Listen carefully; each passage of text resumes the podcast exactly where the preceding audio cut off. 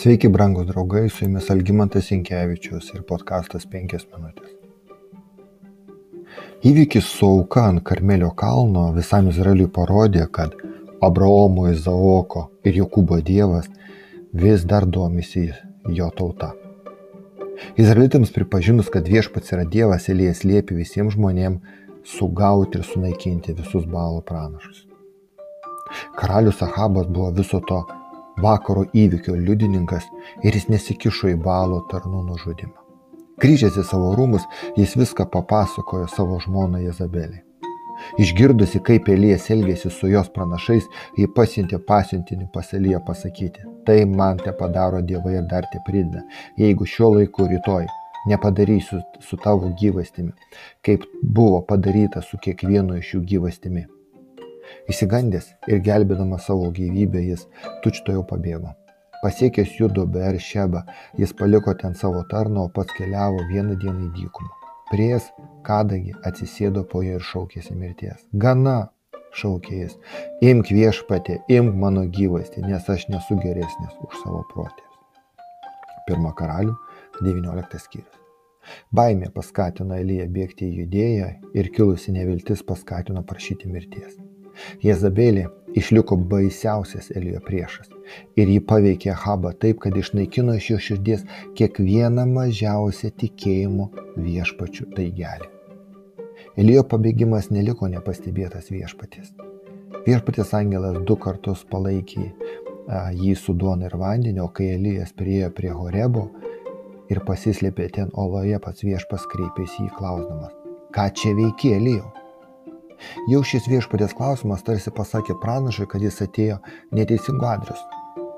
Jis paliko savo tarnystę tą pačią akimirką, kai jis buvo labiausiai reikalingas savo žmonėms, kurie ką tik norėjo pažinti viešpatį. Tačiau Elijas negalėjo susitaikyti su tuo, kad jo tarnystė netitiko laukiamų rezultatų. Jis sako, aš degu olumu viešpačiui. Galybių dievui, nes Izraelitai atmetė tavo sandorą, nuvertė tavo aukurus, ir išžudė tavo pranašus kalaviju. Aš tik vienas likau, o jie nori man gyvasti timti. Tokios galingos viešpatės galios pasireiškia Izraelėje, tačiau panašu, kad nieko nevyksta. Be to, jis pats yra persikiamas, kad būtų nužudytas. Tada viešpas pranašui duoda pamoką. Jis sako, išeik laukan, pašaukė jis ir stovėk ant kalno prieš viešpatį, nes viešpas praeis. Pūtė didelis vėjas ir buvo toks stiprus, kad skaldė kalnus ir trupino į gabalus ulas prieš viešpatį, bet viešpatis nebuvo vėjai. Po vėjo žemės drebėjimas, bet viešpatis nebuvo žemės drebėjime. Po žemės drebėjimo ugnis, bet viešpatis nebuvo ugnyje, o po ugnies švelnus tylus dvelgsmas. Išgirdęs jį, Elijas apsigobė veidą skraiste ir išėjęs atsistoja prie olos angos. Dievas jam liepė stovėti ant kalno, Bet Elijas tiesiog išėjo ir atsistoja prie įimo į uolą. Vienas po kito ant kalno, jeigu taip galim pasakyti, užpu, užpuoliai įsiliejo audra, žemės drebėjimas ir ugnis. Šie elementai priminė Elijui apie neseniai įvykusį stebuklą Karmelėje. Bet tai nepaskatino jo palikti olos. Pagaliau po ugnies pranašas pajuto švelnų tylų dvelgsmą. Tai buvo viešpatės malonės alsavimas ir pranašas išėjo. Tada jis vėl pradėjo sakyti viešpačiu, kad jis vienas liko ištikimas jam. Bet dabar jis pats galėjo įsitikinti, kad stiprus Dievo piktis nepadarys to, ką gali padaryti dieviškoji malonė, pasireiškinti meilę. Juk pasirodė, kad nėra jokio skirtumo tarp pranašo ir žmonių širdžių.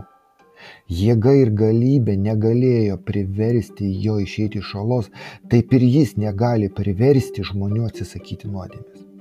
Brangus draugai, Vėliau Dievas patikino Eliją, kad Izraelyje dar yra 7 tūkstančiai žmonių, kurie lieka ištikimi Dievui. Taip pat, kad Dievas suteikė jam padėjėją, Elišą, Dievo vyrą, bet visiškai kitokį nei jis pats. Su jumis buvo penkios minutės ir Elgimantas Vinkevičius.